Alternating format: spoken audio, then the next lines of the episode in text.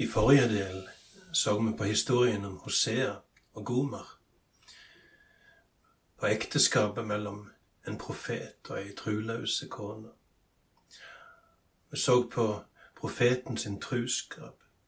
Vi så på hvordan han leide opp igjen den kona som har forlatt han og solgt seg sjøl som slave, kjøpe henne fri og føre henne hjem, og begynne på nytt igjen. Fornye ekteskapet som om ingenting er skjedd. Et veldig sterkt bilde på, på kjærlighet. Et veldig sterkt bilde på tilgivelse. Et veldig talende uttrykk for Guds trufasthet imot et truløst folk. Et sterkt bilde på hvor trufast Gud er imot deg og imot meg. Og jeg sa at det at Gud er kjærlighet, det betyr to ting. For det første så betyr det at du er høyt elska. For det er en far, og det er en frelser i himmelen som er uendelig glad i deg. Og Hvis du ønsker å forstå noen ting om hvordan kjærlighet han har til deg, så må du gå til Bibelen og se hva Bibelen sier. For det er Bibelen og det er Gud som sitter med nøkkelen til å fylle ord med mening det er ikke vi som sitter med fullmakt og med nøkkel til å fylle Guds egen sjølbeskrivelse med mening. Han må få gjøre det sjøl. Og få plasser gjør han det så sterkt og så talende som i profeten Hoseas i bok. Gud er kjærlighet, og det betyr for det første at du er høyt elska. Men det betyr én ting til. Vi er mennesker, og det gjør at vi naturlig og automatisk ser ting fra mennesket sin synsvinkel. I tillegg er vi sjølopptatte av legning og natur. Og Det gjør òg at vi er opptatt av hva ting betyr for oss, og ut ifra vårt perspektiv.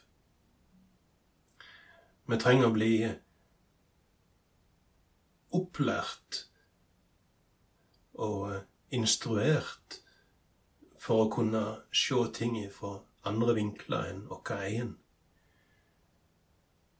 Men når, når Bibelen sier at Gud er kjærlighet, så er det en setning som må forstås ikke bare ut ifra mennesket perspektiv, men vi må prøve å se det ut ifra Guds perspektiv òg. Hva betyr det for Gud at han er kjærlighet? Jeg tror jeg forsto noe av det for en hele del år siden. Når kona kom hjem og fortalte at hun var gravid. Jeg skulle bli far for første gang. Og jeg gledde meg. Men etter hvert som måneden gikk, og fødselen nærmte seg, så begynte jeg å kjenne på en frykt, rett og slett. På den tid var det en del snakk om krybbedød. Unger som døde tidlig Kanskje når de var tre eller fire måneder gamle. Kanskje de var blitt lagt feil i senga, så Og så døde de mens de sov. Jeg hadde opplevd det i, i familien min, og det fulgte meg med angst for at det skulle skje med min gutt. Jeg hadde opplevd at det var unger som døde i mors liv, og jeg var, jeg var redd at det skulle skje med min gutt. Og så kjente jeg at jeg var redd for å slippe kjærligheten helt fri. Jeg var, redd for å på en måte slippe kjærligheten løs, så han kunne få utvikle seg helt sånn som han ville. For jeg var, jeg var så redd at jeg skulle bli såra og skuffa. Og gutten min blei født. Jeg var livredd for at han skulle dø. Jeg torde ikke å på en måte gi kjærligheten rom, sånn som kjærligheten ville. Jeg vet ikke om det går an å beskrive det. Jeg vet ikke om det gir mening for deg når du hører jeg beskriver det sånn, men, men sånn følte jeg det. Og heldigvis, for etter ei stund, så, så skjønte jeg at det går ikke an. Det går ikke an å ha det sånn. Det går ikke an å tenke sånn. Det går ikke an å føle sånn. Jeg må gi kjærligheten fritt spillerom. Og hvis jeg blir skuffa, så blir jeg skuffa. Da får vi ta det der og da. Jeg kan ikke holde igjen kjærligheten i redsel for å bli skuffa og såra. Men sånn er det med kjærlighet. Hvis du er glad i noen, så gjør du deg sårbar. Det gjør at folk kan være redde for å binde seg, redde for å vise kjærlighet. For de er redde for å bli såra.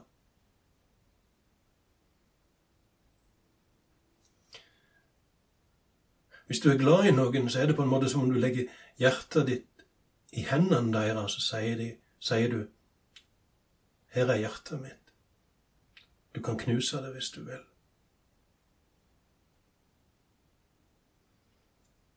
Det er den andre sida av den setningen som vi begynte med i dag. Gud er kjærlighet.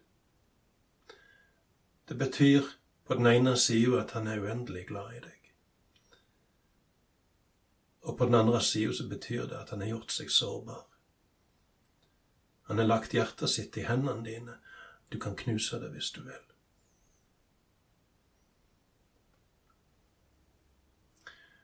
I kapittel 1 og 2 og 3 i Hosea-boka så ser vi Gud skildre ut ifra Hosea, profeten sitt eget ekteskap. Ei truløse kone som sveik han så djupt, og som han likevel var trufast imot. Når vi kommer til kapittel 11 i Hosea-boka, så ser du den samme kjærligheten skildra ikke lenger som forholdet mellom en mann og ei kone, men som forholdet mellom en, mann, en far og hans sønn som har gått ifra han og sveget han. Og du får se inn i et, et sørgende, knust farshjerte.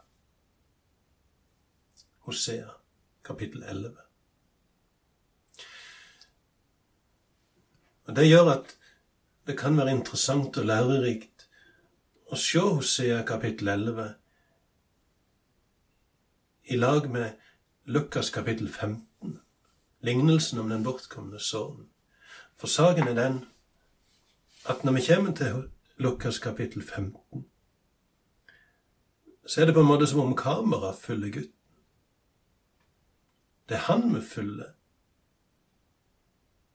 når han reiser vekk ifra far sin, når han kommer til et land langt borte, når han sløser vekk pengene sine, når det blir uår i landet, når han binder seg til en borger der i landet som sender han ut på markene for at han skal gjete griser, når han sitter der blant grisen og håper å få metta seg med maten som grisen skal ha, når han kommer til seg sjøl, når han sanner at tjenerne hjemme hos far min er det mye bedre enn meg. Jeg hadde det godt hjemme hos far min. Jeg vil vende hjem igjen til far min. Kamera følger på en måte gutten. Du får ikke du får ikke se så mye av faren sitt hjerte, annet enn at du ser lengselen hans illustrert i det at han oppdager sønnen mens sønnen ennå er langt vekk. Og i det at han springer sønnen i møte, kaster seg om halsen, du ser lengselen hos faren komme til uttrykk i måten han reagerer på når sønnen kommer hjem igjen. Men når du leser Hosea kapittel 11, så får du se det knuste farshjertet. Og dermed så utfyller disse to kapitlene hverandre. I Hosea kapittel 11 så skildrer Gud seg sjøl som, som en far. Det var jeg som lærte Efraim å gå. Det er et spesielt forhold mellom en far og en sønn. Et forhold Bånd som blir knytta ifra før fødselen gjerne. Alle de tingene de har opplevd i lag. Små ting, store ting. Det var jeg som lærte han å gå. Eller som jeg kanskje ville sagt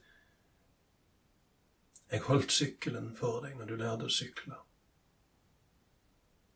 Og Gud fortsetter. Jeg var som en som løfter småbarna opp til kinnet. Og hvis du har vært ute i lag med en liten unge, så veit du hva som skjer når ungen snubler og detter, og den voksne springer bort og løfter opp den lille, heller han til kinnet og trøster han. Et helt spesielt band. Omsorg, omtanke, trøyst, opplæring, kjærlighet og så vokser denne ungen til gutten eller jenta blir større og vender ryggen til far sin. Og så sitter far igjen med et knust hjerte. Hun vender seg ifra meg. Han vender seg ifra meg. Han ser det visst som et fengsel å være hjemme hos meg. Han vil lengst mulig vekk ifra meg. Eller som i historien om den bortkomne sønnen. Jeg er drittlei av å gå her og vente på at du skal dø, jeg vil ha arven nå. Lengst mulig vekk. Heilt utenfor din rekkevidde. Bryte med alt det du er og alt det du stender for. Lengst mulig vekk. Leve fritt. Gjøre som jeg sjøl vil. De plager å gå her hjemme med deg. Og så sitter faren igjen og minnes når gutten og jenta var, var små. Jeg lærte de å gå. Du datt og ikke kunne reise deg, så løfta jeg deg opp og holdt deg til kinnet og trøysta deg. Hvordan kan jeg oppgi deg? I vers 8 i kapittel 11 hos Hosea så sier han, Hvordan kan jeg gjøre med deg, sånn som med Adma og med Seboim, som er to av byene på Jordanslett? Og de to byene ble ødelagt i lag med Sodoma og Gomorra. Hvordan skal jeg gjøre med deg, sånn som med Adma og Seboim, som Sodoma og Gomorra? Du er sønnen min. Jeg lærte deg å gå. Du har vendt deg ifra meg. Jeg løfta deg opp og trøsta deg, jeg holdt deg til kinnet. Prøvde å få gråten til å stilne når du hadde falt. Og så har du vendt deg ifra meg.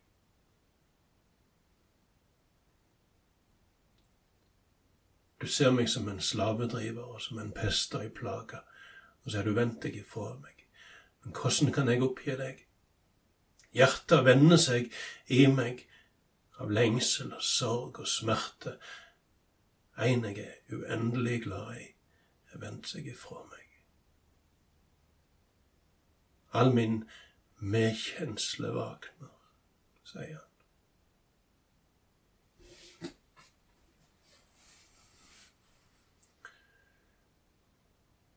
I lignelsen om den bortkomne sønnen så ser vi Det er på en måte som en serie med eksplosjoner eller bomber den der ufattelige fornærmelsen det er når en sønn sier til far sin Jeg er drittlei av å vente på at du skal dø. Jeg vil ha arven nå.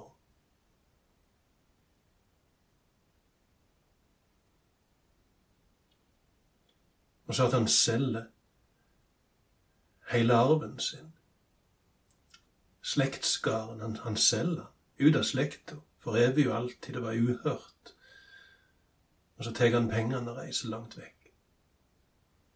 lengst mulig vekk, utenfor faren sin rekkevidde. Og når han ender opp der i lag med grisen, så er ikke det medynk og godhet ifra vennens side. Det å trø denne gutten ned i sorpa. Ifra en som visste at grise er et ureint dyr for jøder. Du kan passe grisen min. Han trør ned i sorpa. Han vil ikke engang gi han grisemat til å mette sulten sin med. Du kan passe grisen. Det er den djupeste fornedrelse. Og så kommer han til seg sjøl og sanner at jeg hadde det godt hjemme hos far min. Han begynner å se far sin med nye øyne, og så vender han hjem. Og så ser vi at faren har lengta etter han.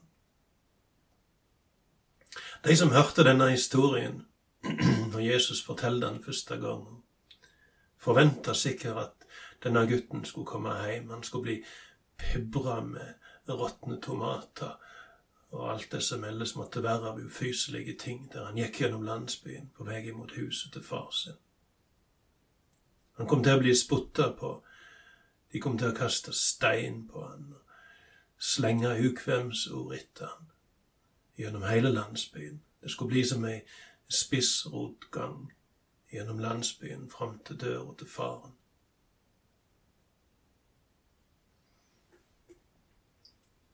Faren ser han mens han ennå er langt vekke.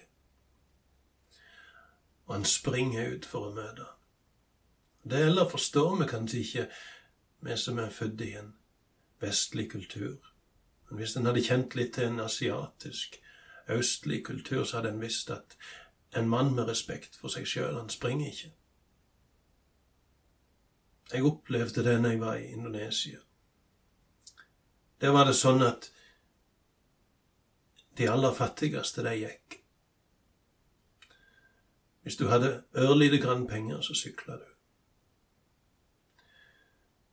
Hvis du hadde kommet deg litt lenger opp på strå, så kjørte du moped. Hvis du var ganske velstående, så kjørte du bil. Hvis du var veldig velstående, så hadde du bil og privatsjåfør.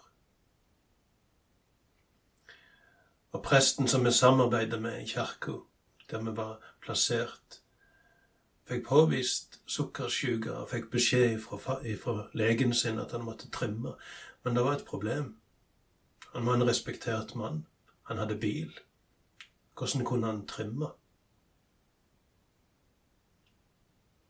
Det var umulig.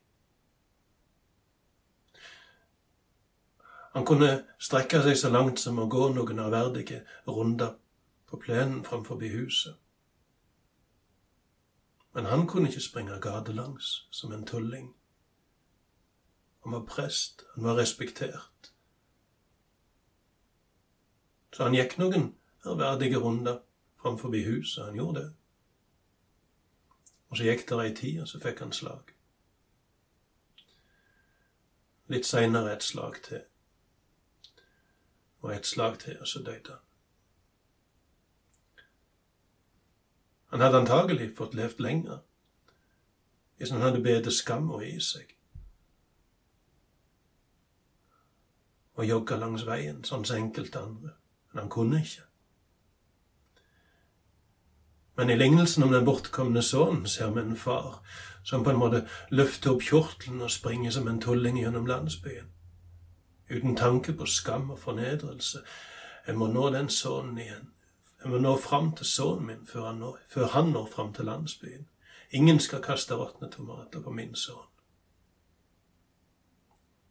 Og han kommer fram til han og kaster seg om halsen på han. Han sender tjenerne hjem for å hente den beste drakta som henger i skapet hjemme. Det er sånn ei drakt som enhver stormann hadde ei drakt som gjerne var verre i årslønn, og som han skulle bruke i sønnen. Eldste sønnen sitt bryllup, kanskje. Den aller beste drakta han hadde, ei som han brukte kanskje ei eller to ganger i livet. Hent den. Og så dekker de sønnen sine filler med ei drakt som å være ei årslønn. Han får sko på føttene, han får ring på fingeren. Og så går han i lag med far sin gjennom landsbyen. Og ingen kaster noen ting på han. Han går der som en æra mann med sida av far sin, heim til huset, kledd i den mest verdifulle drakta som var oppdriva i hele landsbyen.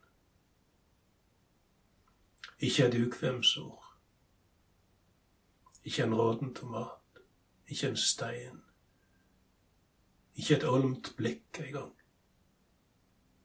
For han går der som en hedersmann med siv av far sin. Faren Faren tok skam. Han sprang som en tulling for å hindre at sønnen skulle bli fornedra. Sønnen som hadde sveket så djupt.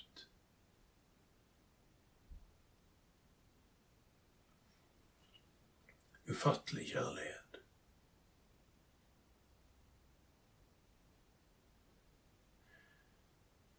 Det er en som elsker deg uendelig djupt. Det er en som har lagt hjertet sitt i hendene dine og sagt du kan knuse det hvis du vil. Men ikke knus det.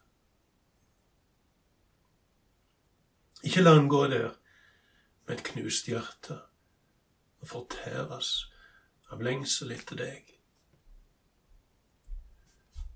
Gå til han sånn som den bortkomne sønnen gjorde. Elsk han sånn som Gomer kanskje gjorde. Be han åpne øynene dine, så du får se hvor god han er. Fold hendene dine og takk ham. For han er en som vil tilgi. En som vil bite i seg skam. Sånn som faren som sprang gjennom landsbyen. Mens folk sto rundt og rista på hodet. Ingenting skulle skje med sønnen hans når han hadde kommet hjem. Ingen skulle kaste noen ting på han.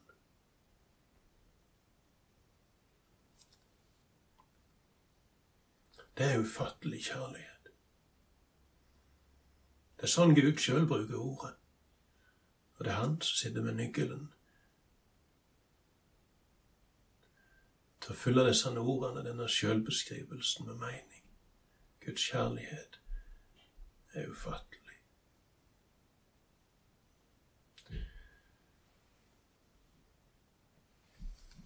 Kan vi be? Jeg takker deg, kjære Jesus, for din godhet og din kjærlighet.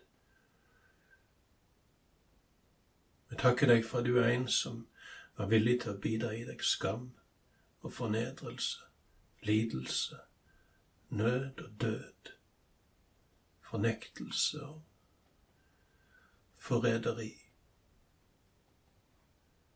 Til og med døden på korset. For å kunne løfte opp sånn noen som oss. Og gi oss en plass med sida av deg i himmelen.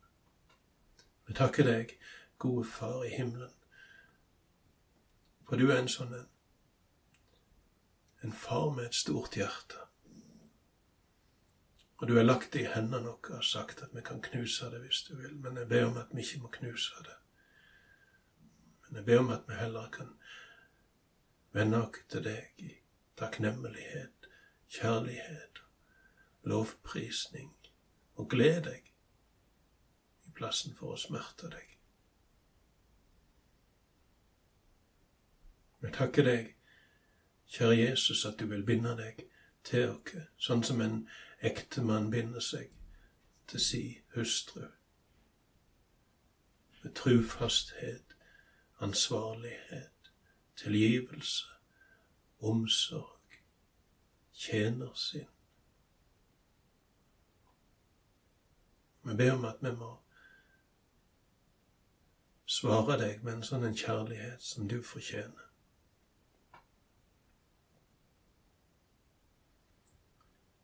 Amen.